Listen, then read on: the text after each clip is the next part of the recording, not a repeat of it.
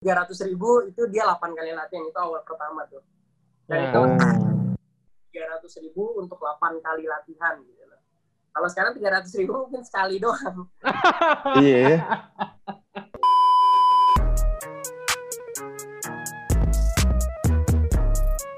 You know everybody been waiting on that baby, man.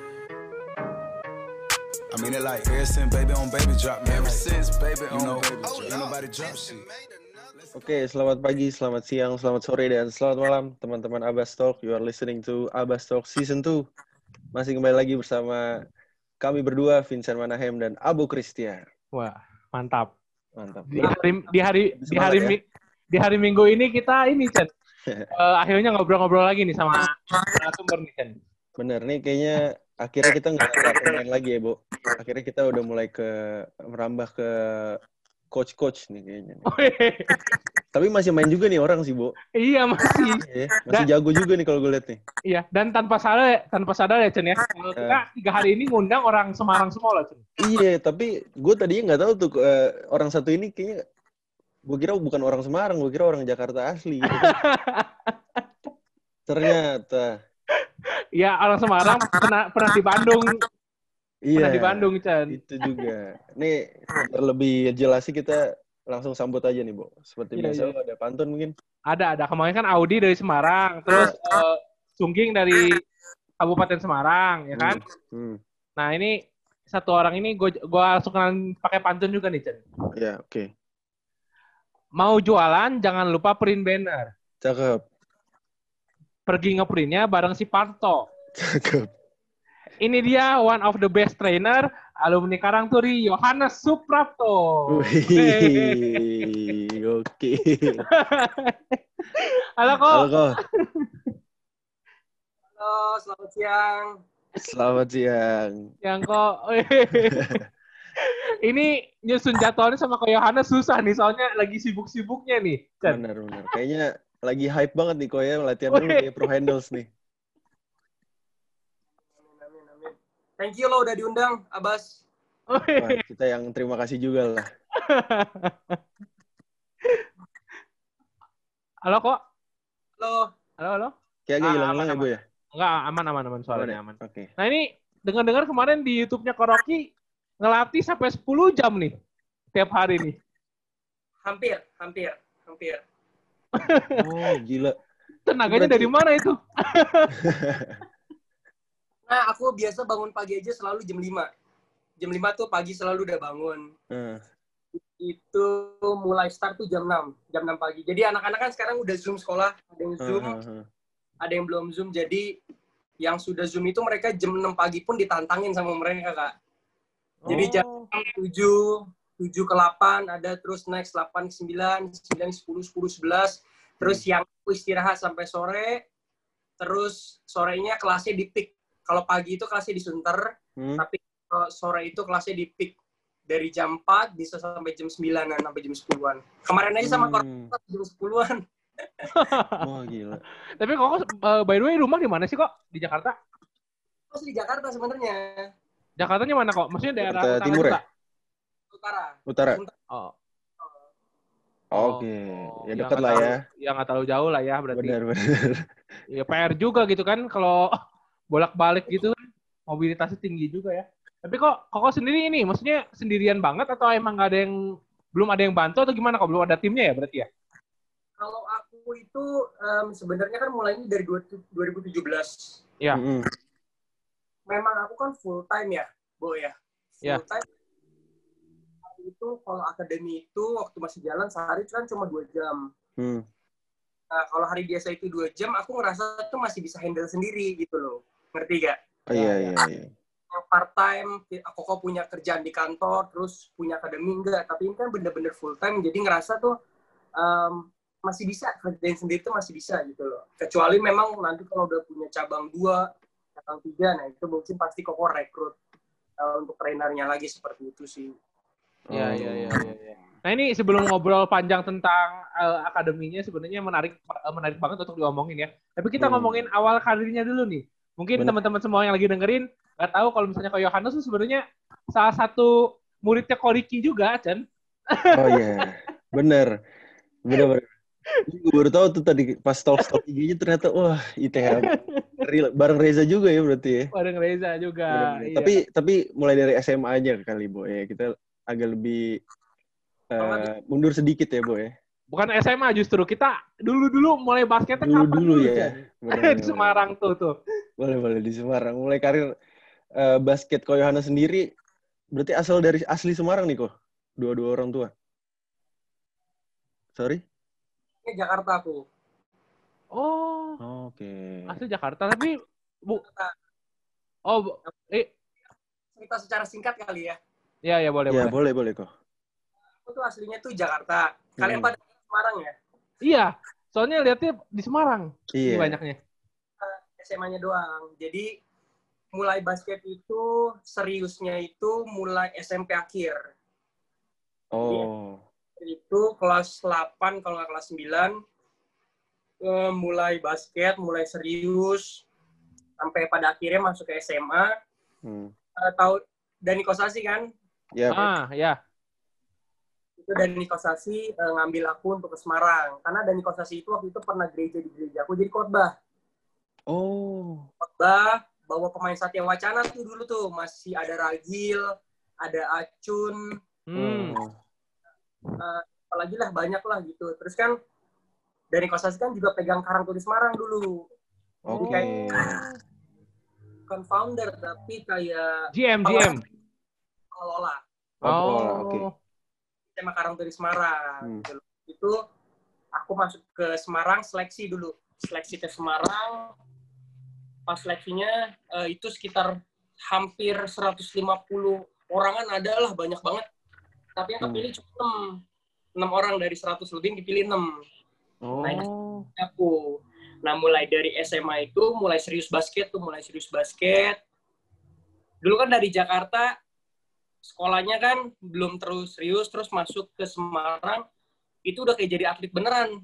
Kaget ya tuh. ya ya. Karang Turi kan Karang Turi ini. serius. Ya, bangun jam 5 pagi, terus latihan, Ah. terus pulang sekolah biasanya tidur ini jam 4 sampai 6 harus gym. Ya. itu langsung latihan lapangan jam 6 sampai jam 8, kadang bisa sampai jam 9 malam. Ah. Awal masih kaget. Waduh kok gini ya? Iya iya iya.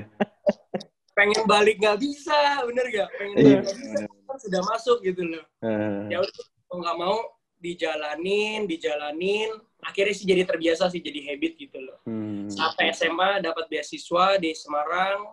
Terus selanjutnya kan mau masuk kuliah. Hmm. Masuk kuliah itu aku bingung mau balik Jakarta lagi atau di Semarang atau di kota mana ya. Terus aku Hmm. mikir, aku tuh orangnya tuh suka apa ya?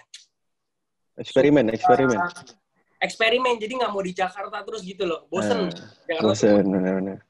Ah, pertama tuh mau masuk UPH aku. Oke. Udah hampir mau masuk UPH. Hmm. Itu terus aku pikir-pikir, nih Bandung kayaknya boleh juga nih Bandung nih. Terus aku tanya di, di Bandung tuh eh, kampus apa yang bagus di basketnya. Waktu itu ada Unpar, terus ada ITHB, terus satu lagi apa deh lupa aku deh. Yang punyanya si itu tuh Fo- Saipul, Saipul di mana Saipul kak? Saiful. Hmm, Empat bukan? Unpad ya? Unpad. Ya, iya pokoknya itu antara tiga itu tuh bingung tuh. Abis itu kan dibilang kalau ITHB itu bagus, terus Koriki kan kenal Koriki juga waktu itu timnas Hmm. KU16. Wah ada Koriki, terus ada pemain-pemainnya juga ada Jan gitu-gitu aku kenal. Oh Oke. yaudah, abis itu aku eh, coba daftar ke Koriki, ngechat by WA ya, atau ke Yosep ya lupa aku. Hmm. Habis itu seleksi, seleksi juga banyak sih lumayan yang seleksi. Habis itu ya puji syukur, puji Tuhan itu kepilih di sana sama Koriki. Hmm. Terus sebenarnya aku di THB itu cuma dua tahun. Iya iya iya Oh, iya. iya, iya. Dengar-dengar juga dua tahun doang. Iya iya. Tapi kok by the way itu SMP kok dulu di mana kok Jakarta? Di kanan. Oh, Kanan. SMP kanan. Iya iya. Oh, berarti asli Jakarta itu berarti kalau misalnya bisa dibilang kok dibawa ke Semarang, berarti SMP udah cukup oke dong kok hitungannya. Sebenarnya dari SD itu latihannya sudah sama SMA dari SD. Oh, jauh ya gapnya. SMA. Terus pas eh, S- SMP pun latihannya sudah sama yang gede-gede gitu loh. Tapi Hmm. seriusinnya itu pas SMP SMP akhir gitu. Oh, oke. oke. Terus dua tahun di THB, habis itu mau balik Jakarta ke Perbanas. Iya, iya, iya. Dengar-dengar Iya, juga iya, gitu tuh. dengar-dengar. Nggak ABN soalnya di THP katanya ya. Iya. Perbanas itu setahunan ya, setahunan habis itu udah mau hampir selesai. Em, aku nggak selesaiin semester 8 ya akhirnya. Mhm. Semester- Karena kan aku kan di saat itu kan ngebangun akademi. Oh, udah udah mulai itu, Pak. Ya akademi itu memang nggak bisa ditinggalin sih sebenarnya. Karena kan eh, susah juga gitu kalau dia di- di- ditinggalin latihannya Senin sampai Sabtu, Senin sampai Sabtu. Hmm. Ya akhirnya sih nggak selesai gitu loh. Iya, Jangan iya, iya. ditiru ya teman-teman ya. Ini di 10 orang kali ya, jangan ditiru lah, jangan ditiru. Eh, Iya, iya, iya, iya. Yang bagus ya kuliahnya harus selesai, terus eh, kerjaannya juga harus bagus, itu sih yang bagus gitu. iya, iya. Kok tapi iya. gue mau nanya sedikit, maksudnya kalau dari background keluarga Koko sendiri tuh ada yang basket nggak sih sebenarnya? Background, aku belajarnya dari Om sih. Om aku kan waktu itu kan di Amerika, eh, Hmm. di Amerika, dia suka basket, suka Heeh. basket. Jadi, setiap abis pulang gereja atau abis apa, itu tuh aku tuh diajarin basket sama om aku gitu loh. Oh, oke. Jadi mulai dari aku sih paling sih, dia sepatunya banyak banget. Sampai 200 pasangan kali ada. Buset. Iya, makanya hobi banget di Amerika dia. Gitu. Mungkin dari om aku sih. Oke. Oh. Eh, tapi kok eh, by the way berarti kalau misalnya papa mama gitu emang nggak ada yang basic basket ya kok ya? Nggak ada. Nggak ada. Nggak ada. Ada yang basic basket. Oh. Iya, iya, iya, iya. Nah, itu ngomong-ngomong ke Semarang itu seorang anak Jakarta yang pindah ke Semarang gimana kok adaptasinya kok? Kok kan lama di Sema- lama di Jakarta juga kan? Istilahnya gitu. Awal-awal tuh lucu banget ya. Karena kan kalau di Jakarta kan kita kan ngomongnya lu gua kan. Iya. Lu gua, lu gua, lu gua gitu kan. Iya, iya. Masuk ke Semarang tuh ngomongnya tuh aku kamu. Even itu cewek sama cowok pun kalau kita ngomong sama cowok ngomongnya aku kamu karena lembut. Iya. Iya, Betul, iya. betul, betul. Nah dari situ aduh. Pada lembut-lembut ya aku pikir ih apaan sih cowok ngomong aku kamu? Apaan sih? Aku pikir gitu kan. Iya, iya. ya mau nggak mau kalau kita di daerah orang kan mau nggak mau kan harus adaptasi gitu loh. Betul, betul. aku pikir ya lembut ya juga bagus lah. Terus belajar bahasa Jawa aja sekarang aku udah lancar. Enam bulan bulanan lancar gitu. Terus aku udah ngomong aku kamu nih di Semarang terus pas balik di Jakarta aku ngomong aku kamu sama temen cowok ih jadi aneh lagi jadi aneh lagi Jadi beda lagi soalnya benar-benar. beda lagi itu sih adaptasi sih Tapi kok di Semarang boleh dibilang karirnya cukup oke juga ya kok ya. Back to back DBL juara kan eh, Bandang Karang Turi, Betul. terus eh, Popnas ya Popnas kalau nggak salah Jateng ya? Iya. Bela Jateng ya? Itu Popnas DKI ya kok ya? iya pas Oh berarti Popnas bareng Julius dong? Bareng Julius bareng Daniel Anggoro Oh iya, iya. Nuka, iya. eh, Nuka enggak Nuka di atas aku Nuka enggak Oke di atas ya. Nuka di atas ya Oh Ricky Oh. juga ya, Ricky Tritunggal ya?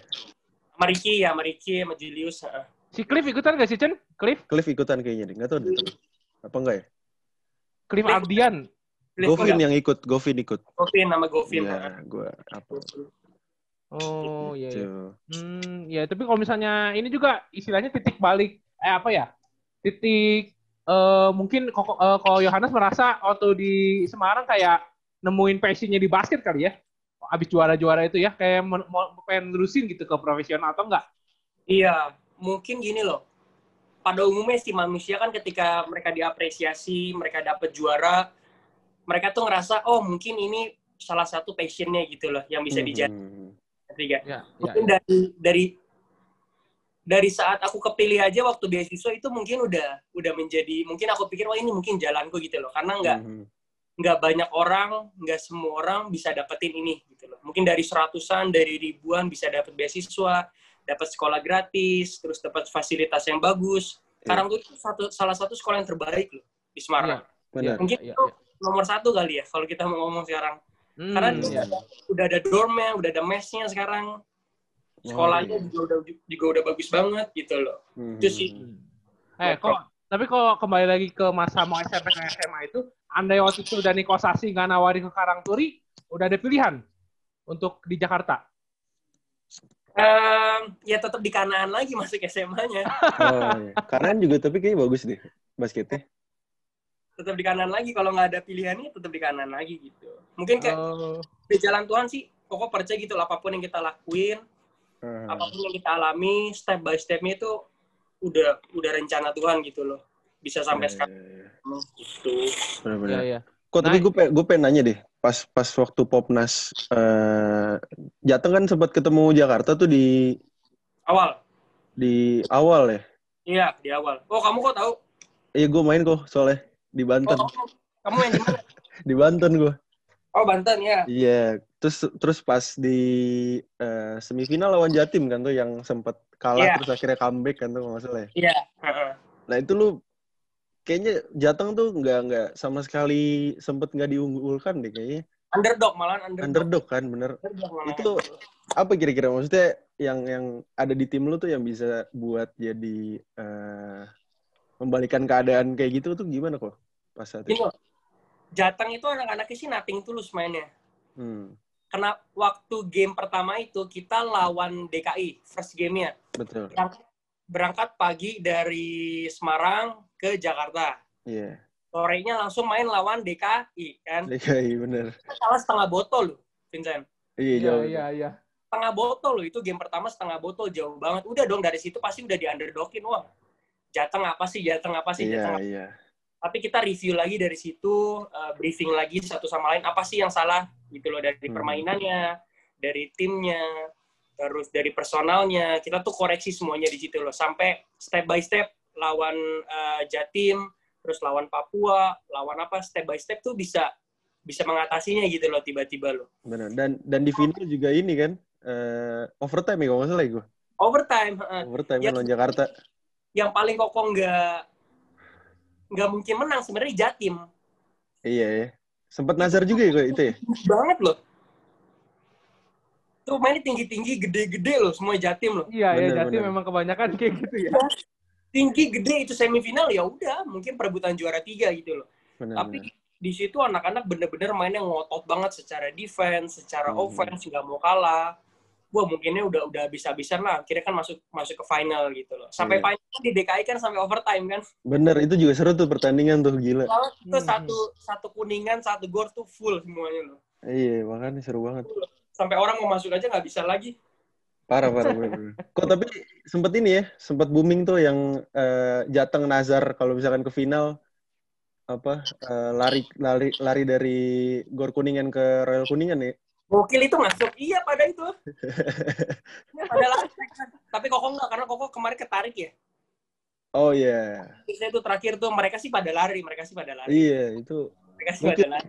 win tuh langsung. Iya. Kok, tapi ini ngomongin abis dari eh, SMA ke kuliah kan tadi Koko udah sempet ngomong juga emang orangnya pengen bereksperimen gitu lah ya ngomongnya. Nah, Hmm. itu emang kalau dari Karangturi kan sebenarnya kan sekolah ternama juga gitu. Iya. Eh, Koko back to back juara juga di DBL, Popnas juga juara. Emang nggak ada yang nawarin secara langsung kok, misalnya kayak dari UPH, dari mana gitu nggak ada yang nawarin. Unggul mungkin. Esa unggul gitu-gitu.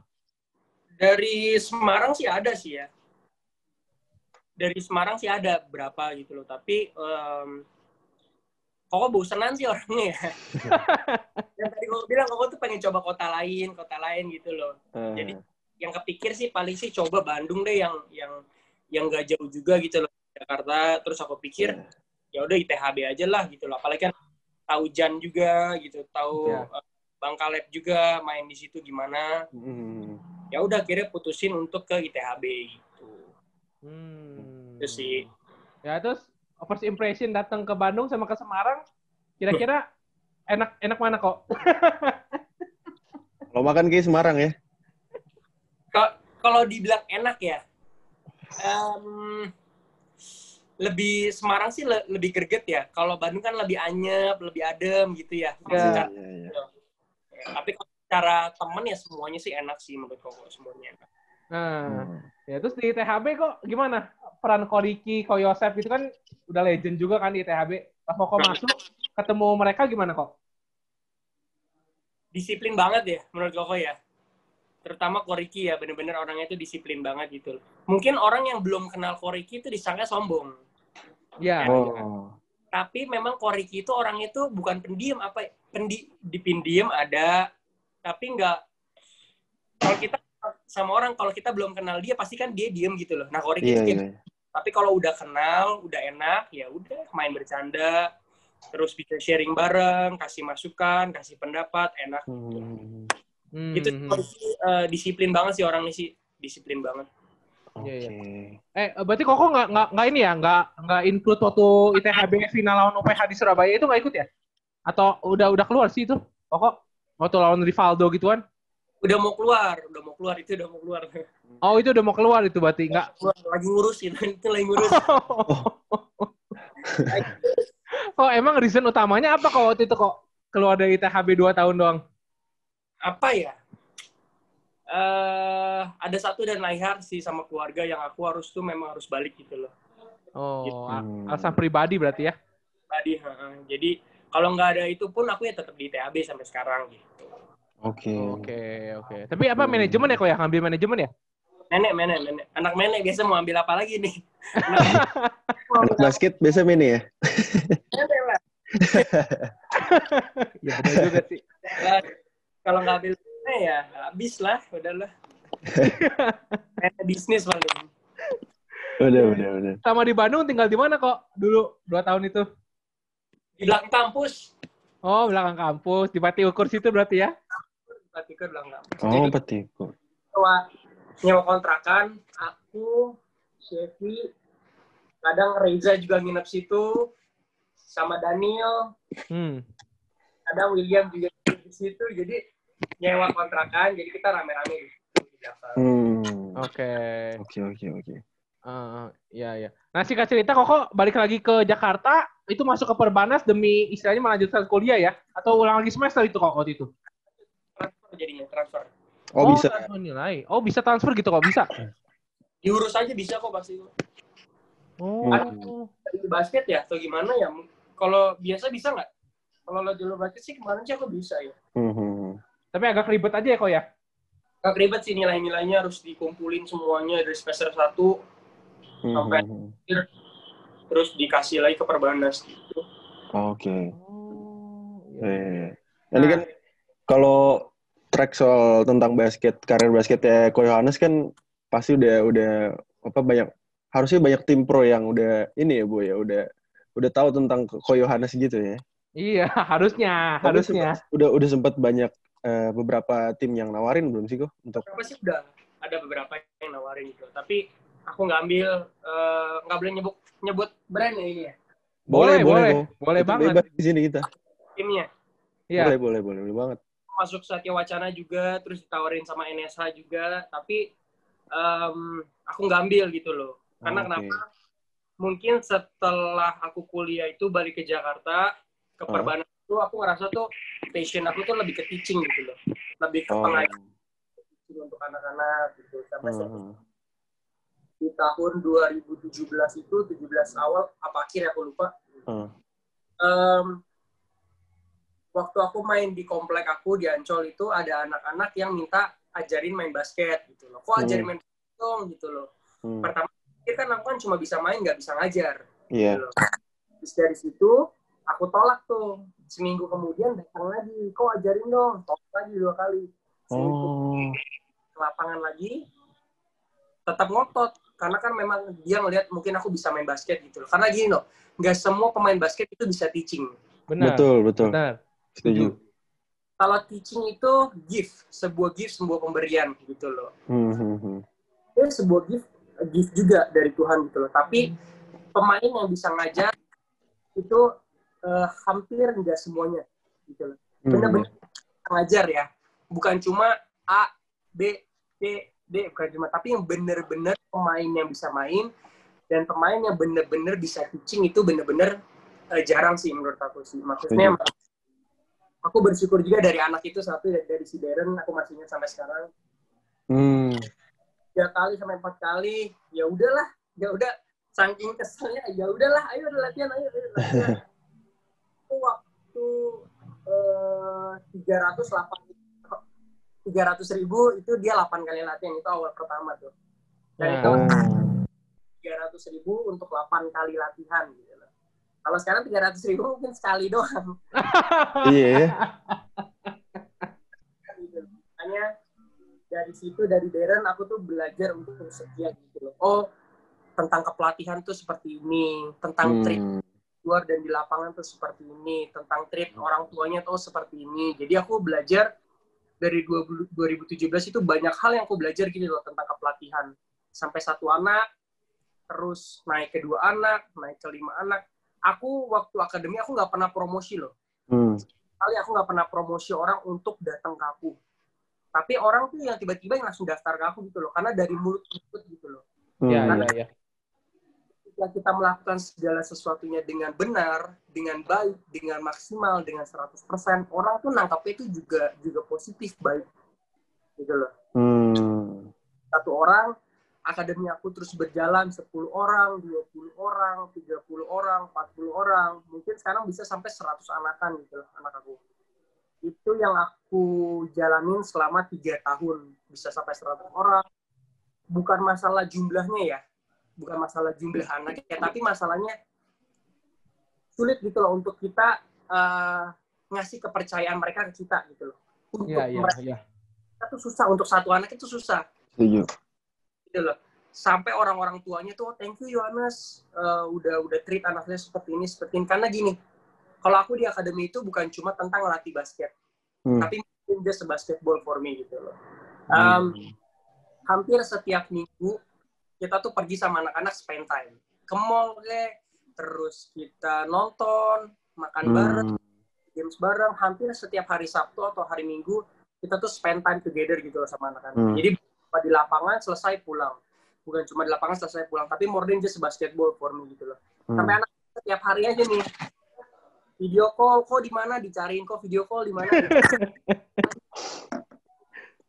bukan bukan seperti pelatih dan anak didik gitu loh, tapi seperti koko dan adik gitu loh Hmm, iya, iya. kalau kita di lapangan ya tolong profesional ya latihan yang bagus tapi kalau di luar lapangan pun kalian mau main atau mau apa kok welcome gitu loh. jadi harus bisa bedain anak-anak antara di lapangan sama di luar lapangan gitu sampai sekarang puji syukur masih berjalan sampai anak-anak ngajar di sekolah SPH internasional juga dipercayain terus punya pro handles juga sekarang makanya Oke. Hari ini gitu. Ini sebelum ngomongin pro handles kok, eh, berarti Koko tuh punya willing buat ngelatih berarti dari si Darren doang dong. Berarti kalau misalnya nggak ada si Darren mungkin sampai sekarang nggak akan ngelatih ya kali ya? Apa kok? Sorry nggak kedengeran kok? makanya aku bilang tuh sama Darren tuh bersyukur banget gitu loh Iya, iya. em, apa namanya karena dia tuh Koko tuh bisa sampai di titik seperti ini gitu loh mungkin Hmm. emang udah jalannya ngerti nggak Bo Iya, iya, iya. Apa pun yang kita lakukan dengan benar dengan baik Tuhan pasti berkatin gitu loh ngerti Oke. Iya, iya, iya. cuma percaya itu satu hal kalau Koko ngelakuin dengan baik dengan benar nggak usah pusingin apa kata orang lain karena gini apa pun yang kita perbuat pasti ada orang yang nggak suka apa pun itu Pasti, pastinya. apa pun itu meskipun Tuhan pun ada yang nggak suka ngerti gak Iya, iya, iya. Iya. Tuhan sempurna itu ada yang nggak suka jadi apa pun yang kita lakukan ya tetap fokus sama goal kita gitu loh nggak bisa kita mentingin orang lain apa pun udahlah nggak usah koko cuma cuma eh, melakukan apa yang menjadi tugas koko gitu loh sampai saat ini gitu Iya, iya. Nah ini menarik nih Chan kalau ngomongin akademinya Ko Yohanes kan Ancol, Ancol Timur. Terus kalau Iya. misalnya sore-sore di Pro Handles kan. Iya. Nanti kalau Ancol Timur kan tempatnya yang, yang suka anak-anak cuci tangan itu kan. Pagi-pagi cuci Iya. tangan. ya, itu, itu Ancol Timur tuh kok. kita timur Oh, itu lapangan itu punya sendiri atau gimana tuh? itu kerja sama bareng sama teman koko Oh. Oke. itu pun gini koko kan awalnya kan ngelatih kan di lapangan ancol Mm-mm. Ya. Saat itu 2017 itu di lapangan Ancol. Dan kenapa Koko bisa pindah di tahun 2020 ke situ? Koko doa sama Tuhan, Tuhan, em, karena gini loh, Koko tuh kasihan sama anak-anak ketika lapangannya outdoor, terus hujan, Nggak terus panas. latihan. Gitu. Kadang nggak latihan, karena Koko berdua sama Tuhan, Tuhan tolong dikasih lapangan yang mungkin indoor ada tutupan gitu loh. Mhm. Koko doa terus setiap setiap hari setiap malam Koko doa pas satu titik di tahun 2020 du- 2019 akhir Koko kan mut- muter muterin dong di Sunter mana nih lapangan yang bisa dipakai gitu loh. Karena di Hmm. udah ada beberapa lapangan itu yang dipakai gitu loh. Yep. Berhubung lapangan yang di Sunter ini em, baru dibangun, Koko tanya ke orangnya dong, Ci, Hmm. lapangan ini boleh dipakai nggak untuk akademi? Cicinya bilang, oh nggak boleh karena lapangan ini mau dibangun akademi bola basket. Gitu. Oh Oke. oke Ci, kalau gitu. Terus aku ngomong lagi dong, Ci boleh nggak eh, nomor aku kasih ke Koko yang punya lapangan ini? Hmm. Cicinya bilang, oke Yohanes nanti Cici kasih nomornya ke Koko yang punya lapangan ini ya. Ya udah, terus Koko kan balik ke rumah, terus besoknya ditelepon, di, di chat, ini Yohanes ya, gitu loh. Yang Koko Hmm. yang punya lapangan nih. Iya. Iya kok, ini siapa? Ini Konatal gitu loh. Konatal itu temen aku pas basket pas kecil. Hmm, Oh. Kecil gitu loh. Jadi mulai dari situ terus aku tanya dong kok lapangannya boleh dipakai nggak oh gini aja Anes nanti besok datang datang kita meeting gitu loh kita meeting ngobrolin terus aku punya akademi dia juga punya lapangan Hmm. akhirnya singkat cerita kita kerja sama bareng gitu loh di situ ada kolam Oke. renang ada lapangannya ada dressing roomnya pokoknya di daerah Sunter juga deket gitu loh Hmm. pokoknya yakin tuh semuanya tuh udah udah udah jalannya Tuhan ngerti nggak Iya, iya, iya. Iya. Jadi step by step itu Koko tuh percaya tek disediain, disediain, disediain, disediain. Kenapa bisa ketemu sama teman lama Koko juga? Kalau eh, kalau bukan yang kalau Tuhan bukan yang kasih jalan gitu loh. Hmm. Makanya Ya. syukur banget pindah ke Sunter gitu dari Ancol. Oh. Ya, dan menariknya kemarin terakhir kan itu lapangan yang dipakai Abraham latihan kan itu baru dicat Kobe Bryant itu ya, yang Koko vote itu ya. Ya. It- itu juga itu juga ini kerjasama juga sama orang atau enggak? Nih. Em, Indonesia itu kena kena pandemi COVID-nya kan di bulan 3. Ya. Hmm. Itu rumah sakit pertama yang kena orangnya di Indonesia itu di sebelah lapangan Koko di Sunter. Sulis apa, Oh. orang pertama ngerti nggak? Orang Iya. pertama Iya, iya, iya. keluarga tuh Iya, iya, iya. di sebelah lapangan Koko di bulan 3. Ya. Oke. Kalau nggak mau Akademi Koko bi- bisa dibilang salah satu organisasi yang berhenti paling pertama. Oke. Yang Koko udah berhenti. Hari Hmm. ini, misalkan hari ini pengumumannya kena nih, besoknya Koko langsung berhenti. Ya. Iya, pasti sih ya. Bulan ya, udah singkat. Nanti Koko nyambung nih, Bo. Iya. Sampai Koko stop di bulan itu, di bulan 3 stop, di bulan 4 nggak dapat gaji, di bulan Hmm. 5 gaji, sama sekali nih, tiga bulan nih. Aha. nggak dapat gaji. Terus di bulan ke-6, Koko mikir, kalau gini terus nggak bisa nih. Nggak bisa. Koko harus melakukan something yang ngebuat em, baru lagi gitu loh. Hmm. Mhm. Koko sering, awal-awal tuh Koko tuh buka pro handlers-nya belum aktif, tapi udah ada. Hmm. Oke. Ngebuat video sendiri, ngebuat video bola basket sendiri di lapangan. Kalau Iya, kamu iya. Koko di bulan berapa tuh? Bulan 4, bulan 5, Koko tuh banyak banyak ngebuat video sendiri yang pakai TikTok lagu-lagu tuh. Iya. Iya. oh orang respon oh bagus ya gini gini terus mas banyak yang minta banyak yang minta apa eh, private terus oke ya udah private private private di bulan 5 sebenarnya kalau mulai aktif itu pro handlers itu baru tiga bulan loh bisa sampai di titik sekarang baru tiga bulan Hmm. di bulan 5 koko mulai terus banyak yang eh, private terus ada yang ngerja ngajak kerja sama juga ngajak kerja sama habis itu koko ini ngelatih anak yang bapaknya ketua RT yang di Apa? Pro Handles nih Ya, ya, ya. ya, anaknya koko latih gitu loh terus Hmm. singkat cerita bapaknya ngasih lah lapangannya gitu loh Oke. Lapangan pro handles untuk latihan. Oh. Makanya Koko tuh bersyukur banget ketika lagi kondisi seperti ini Tuhan malah berkatin Koko tuh yang benar-benar melimpah gitu loh. Kemarin Koko sempat tiga bulan loh gak dapat gaji loh, Bo, Vincent. Iya sih. Lu Iyalah. lama juga. Karena akademi mati mau gimana coba kita? Ngerti gak? Koko Iya, sampai iya. dua, Koko sampai dua sama Tuhan kalau memang dikasih kerjaan, dikasih basket, pagi siang pun Koko pagi malam pagi malam Koko jabanin. Dikasih lu sama Tuhan lo pagi malam Iya. Abraham saya jam 10 malam jam 9 malam Koko pulang jam 11 jam 12 Koko jam 5 pagi udah bangun lagi Hmm. Hmm, Wah, gila. iya. Pro Handles ini baru tiga bulanan lah bu baru tiga bulanan eh, Mhm. gitu loh karena akademi itu beda loh sama klub akademi beda sama klub Betul, Iya, iya, iya. Proses pembelajaran dari anak nggak ngerti jadi ngerti dari Yep. nggak bisa, itu akademi Mhm. Iya.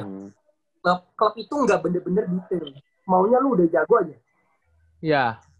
tandingan nah makanya itu beda gitu loh makanya kenapa Koko dari 2017 belum terlalu naik namanya karena Koko main di lingkaran di lingkaran bawah Iya.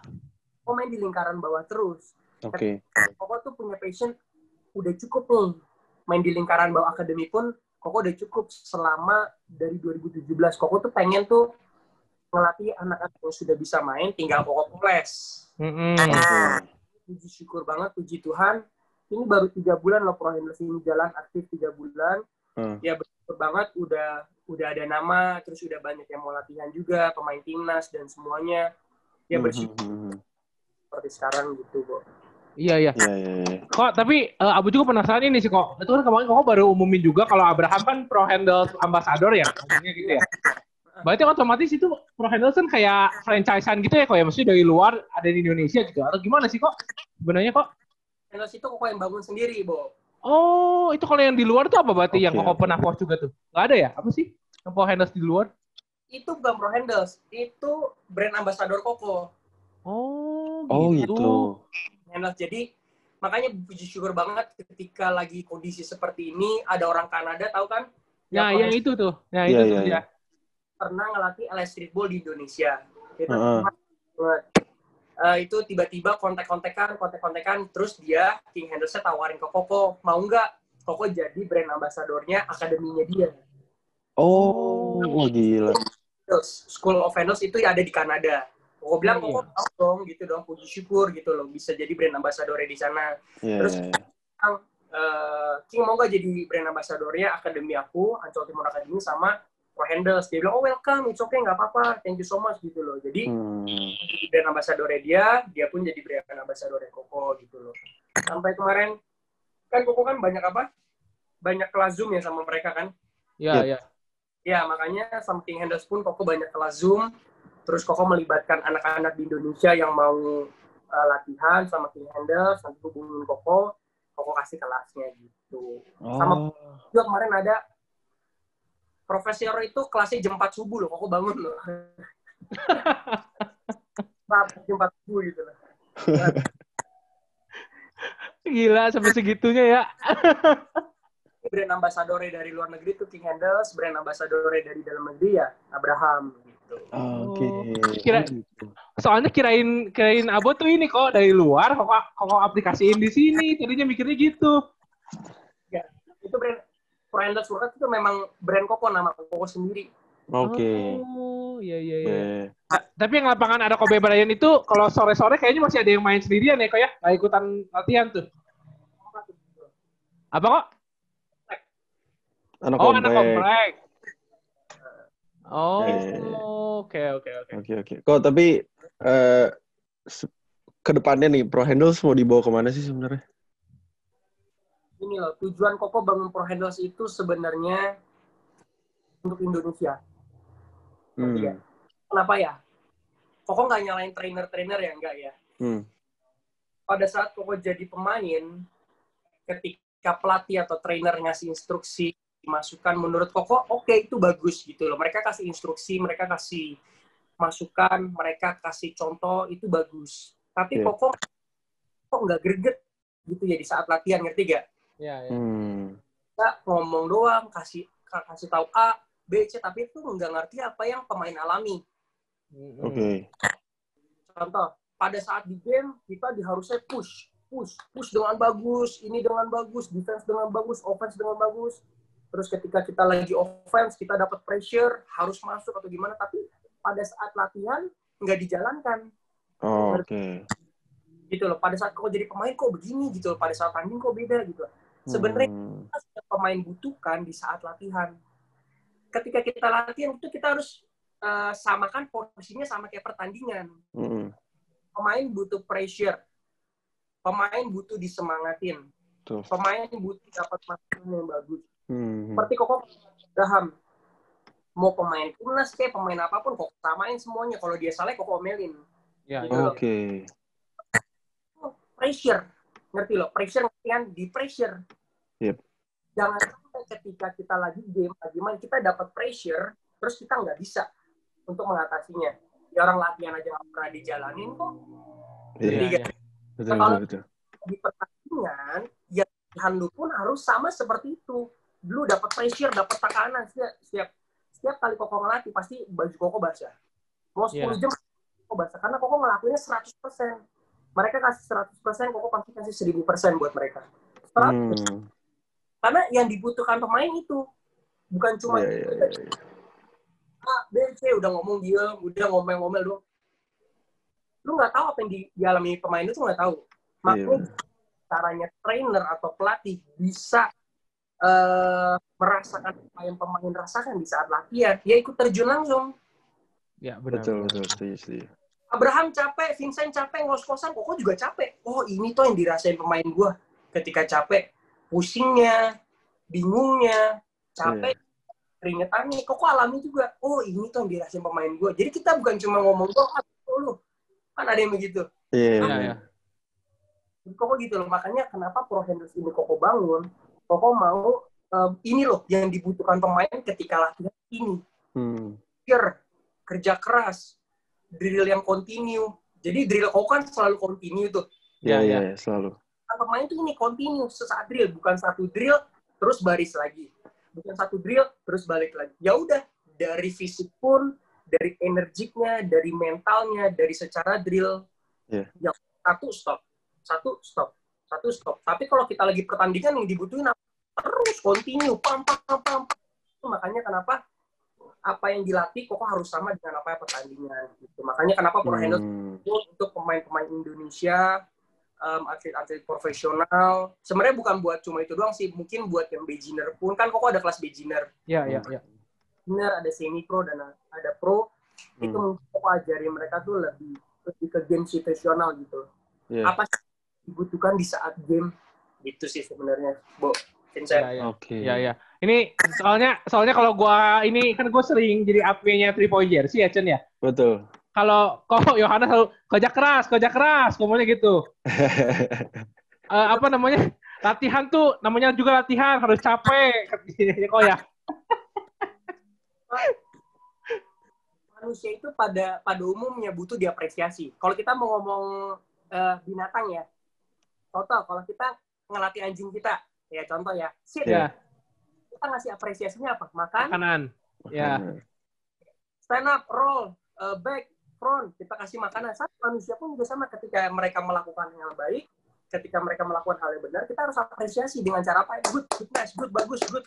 Itu adalah sesuatu hal yang positif gitu loh. Yep. Mungkin apa pun yang Koko alami di saat Koko jadi jadi pemain, nggak ada yang seperti itu. Koko loh, ya. Ya. Yang Koko lakuin nggak ada ngomong good, ngomong bagus, ngomong Yeah. nggak ada. Ya lo ngelakuin bagus udah didimin gitu loh. Padahal manusia itu harus diapresiasi, tapi ada batasannya. Iya. kan? Ya, Setuju, ya, setuju. ya. Itu ada batasannya kapan harus diapresiasi, kapan harus diomelin, kapan harus ditekan, kapan harus hina itu tuh pokoknya tuh ada batasan kita tuh sebagai trainer tuh harus ngerti gitu loh menurut aku. Mungkin kita juga ngerti lah gimana pas saat jadi pemain waktu itu pelatih seperti apa. respect Pasti, pasti kok. Pasti, pasti. pasti. Ya, Setuju lah. Kita pasti iya. sama-sama. You know everybody been waiting on that baby, man. I mean it like ever since baby on baby drop, man. Ever since baby on baby drop, ain't nobody drop shit. Iya, iya. Nih, Chen, ini untuk di akhirnya nanti kita, eh Ko Yohanes mungkin dikasih, inilah Ko eh kasih tahu ke teman-teman semua Abastok, mungkin harga nanti mungkin buat teman-teman yang mau ikutan kelasnya Koko, atau yang udah pro, bahkan nanti yang ngedengerin podcast kita jadi bisa tahu harga segala, jadi nggak perlu nanya-nanya lagi gitu ya, Chen ya. Oh, boleh, boleh, boleh. Iya. Nah, tapi ini sebelum mengakhiri, eh sebelum ngomongin itu, kita ada gap sedikit nih kok, untuk menutup obrolan kita malam eh, siang hari ini. Betul. Seperti biasa, gamesnya namanya setuju nggak setuju kok. Oke, mantap. Oke, nanti eh, nanti kita kasih tiga statement pokoknya. Lu tinggal jawab setuju nggak setuju sama kasih alasannya kenapa. Ya, Oke. Oke, gue dulu, Boy ya. boleh. Siap. Setuju apa nggak setuju? Yohanes akan bermain di IBL andai West Bandits gabung musim musim depan.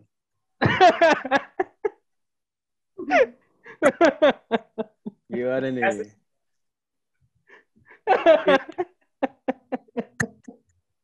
Nggak setuju? Oh, nggak setuju. Kenapa nih? Mungkin salah satunya ya udah sampai di titik ini passionnya eh, lebih ke teaching lagi, lebih ke ngajar lagi itu pertama. Hmm. Kedua mungkin kemarin West Bandits juga udah bilang paling koko kalau main ya sekedar main untuk eh, apa namanya eh divisi paling divisi satu gitu loh. Hmm. Jadi kalau IBL Kamsyah. Oke. Tapi kalau misalnya ditunjuknya bukan sebagai pemain kok, sebagai Nah, pelatih itu gitu. tuh. Sebagai pelatih, Mungkin sekali lah. pelatih train skill individual ya. Iya. Iya. Oh, Wih. mau ya, mau ya berarti ya. Kalau itu ya. Nah, ini statement kedua nih kok. Eh, andai eh, setuju atau enggak setuju, andai eh, Ko Yohanes punya otoritas, eh, Ko Yohanes akan pilih Koriki ITHB untuk pegang timnas. Setuju atau enggak setuju? Itu pakai banget. Titik. nah, punya kualitas yang bener-bener orang lain nggak punya. Koko ngomong apa adanya aja. Gitu loh. Oke. Secara dia ngelatih, itu udah diakuin di Indonesia. Dia ngelatih. Secara dia trade pemain, secara dia ngelatih, secara dia punya sistem offense, defense-nya. Kalau ngomongin defense, nggak usah ngomong-ngomong Koriki, udah di luar kepala dia. Dia kalau ngomongin defense, satu Indonesia mungkin udah pada tahu. Yang tahu basket ya, Hmm, Iya, hmm, iya. bagus banget. Untuk Koriki naik ke timnas sebenarnya udah pasti udah banyak banyak tawaran ya buat buat Koriki, tapi Koriki pasti tolak. Karena ada satu dan lain hal mungkin yang kalian semua tuh nggak tahu gitu loh kenapa Koriki tuh ngetolak gitu. Tapi kalau dibilang setuju nggak setuju, setuju pakai banget. Oh, Oke. Oh, iya, iya, iya, iya. Soalnya, soalnya kayaknya aneh ya, Chen, ya. Kalau misalnya belum ada tawaran tuh aneh. Pasti Iya, nggak nggak nggak mungkin, nggak mungkin. Ada satu dan lain hal yang kenapa Koriki tuh nggak nggak mau terima gitu loh. Hmm. Iya, iya, iya. Paham Oke. lah. Pasti itu-itu lagi lah. Itu John. Bilang ya. Iya, iya, iya. Terakhir nih, Chan. Oke, terakhir. Statement terakhir. Setuju apa nggak setuju? Abraham best player in Indonesia right now. Setuju. Karena secara presentasi poin season kemarin dia paling bagus. Nomor satu. Hmm. Ya, ya. Dia kalau open court berbahaya kayaknya ya. Dia itu apa ya? Dari semua atlet yang yang Koko latih, Hmm. yang energi. Koko kan udah latih, misal, bukan pra- bukan maksudnya bukan prastawa, bukan coke enggak enggak senergi gitu ya. Maksudnya ada hal yang bener-bener kayak fighting spiritnya tuh even itu latihan tuh bener-bener gede banget. Iya, iya Itu- kelihatan. Hmm. Abraham gitu loh. Kalau dibilang jadi pemain basket nomor satu terbaik sekarang ya, karena secara statistik eh, di season kemarin sebelum pandemi ini dia nomor satu Iya. paling bagus. Dia bisa jadi MVP loh. Kalau regular season kemarin eh, nggak pandemi ini dia bisa jadi MVP pasti. Karena secara rata-rata pas dikasih lihat kemarin kan eh, ininya statistiknya dia paling bagus jauh banget. Nomor dua siapa ya Daniel Wenas ya? Apa Prastawa? kan? Dan Yohanes sama Widi. Poin iya iya, poin minus Widi. Iya makanya. Hmm. Iya, iya, iya. Ini, Oke. ini bukan gara-gara Abraham latihan sama Ko Yohanes ya, bukan. Iya, bukan dong. Tidak ada dong itu kayaknya itu. Apa kok? Christian Gunawan juga latihan. Iya. Ter- banyak pemain-pemain yang latihan banyak. Andre, Andre Rimpande pernah kan ya, Kak? Andre? Andre pernah latihan. Iya, iya. Dia juga pernah latihan bareng. Hmm. Eh, cuma beda ya kok ya, kalau Abraham agak beda ya kok ya. Berarti, apa ya fighting spiritnya even itu latihan dia bener-bener greget banget loh. Hmm. bener-bener Oke, Mau oke. kalahan. Dia orangnya itu nggak mau kalahan. Oke, menarik, menarik. Benar, benar. Ini ini untuk menutup nih. Untuk menutup nih, kok boleh nih di-share dong harga segalanya kok. Nanti buat teman-teman semua yang mau ikutan eh, event itu beginner atau yang udah pro gitu kok. Ya, boleh kok. Harganya itu satu eh, gini loh. Pro Handles Pro Cup itu maksimal satu grup itu lima orang. Oke. Kenapa lima orang? Karena Koko mau eh, pro latihannya itu bener-bener berkualitas. Karena kan ini kan Hmm. Individual. Jadi kalau terlalu banyak pun Koko nggak bisa kontrolnya dengan maksimal. Makanya satu grup itu lima orang. Makanya Hmm. ini udah udah full gitu loh. Jadi beginner, ada kelas beginner, ada kelas semi pro, sama kelas pro. Harganya itu sekali datang itu 300 ribu per anak. Oke. Jadi kalau sebulan mau dikaliin aja empat kali berapa gitu loh. Kalau yang pri- private aja private udah full. Private itu 600 ya, 600 em, sekali datang. Tapi private-nya udah full Berapa jam kok itu kok? Kalau yang grup-grupan? setengah jam semuanya. Satu setengah jam. Setengah jam semuanya. Hmm. Oh itu kalau private anak yang datang atau koko yang datang? Maksudnya gitu. Untuk lapangan. Oh, jadi tetap pusatnya mah di ini ya, di Sunter atau di Antara situ ya?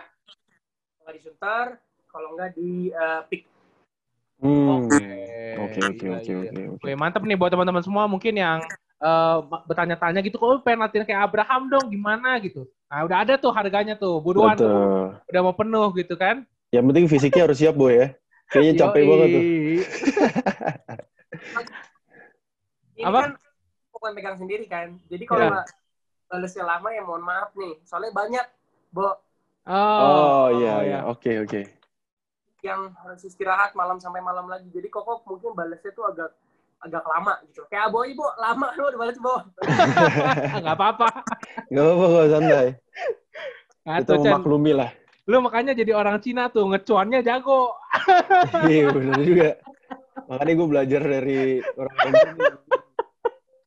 Bangun jam 5 tuh kan. Nih balesnya ya. Apa kok? Lamaan ya balesnya, maaf lo ya. Nggak apa-apa kok, Santai kok. santai aja. Maklum. Oke kok, thank you banyak ya kok waktunya. Sangat berharga nih kita ngobrol-ngobrol nih. Thank you banget kok. Sukses Iya. selalu pokoknya. Sehat selalu ya. Ya. Iya, siap. Nanti kita ada merchandise kok yang kita kirim ke Koko. Ya, Bo Vincent, God Oke. Ya. bless. Yuk kita you. foto dulu kok. Siap. Siap. Satu, dua, tiga. You know Okay, everybody thank you, that Thank baby. you kok. Bye.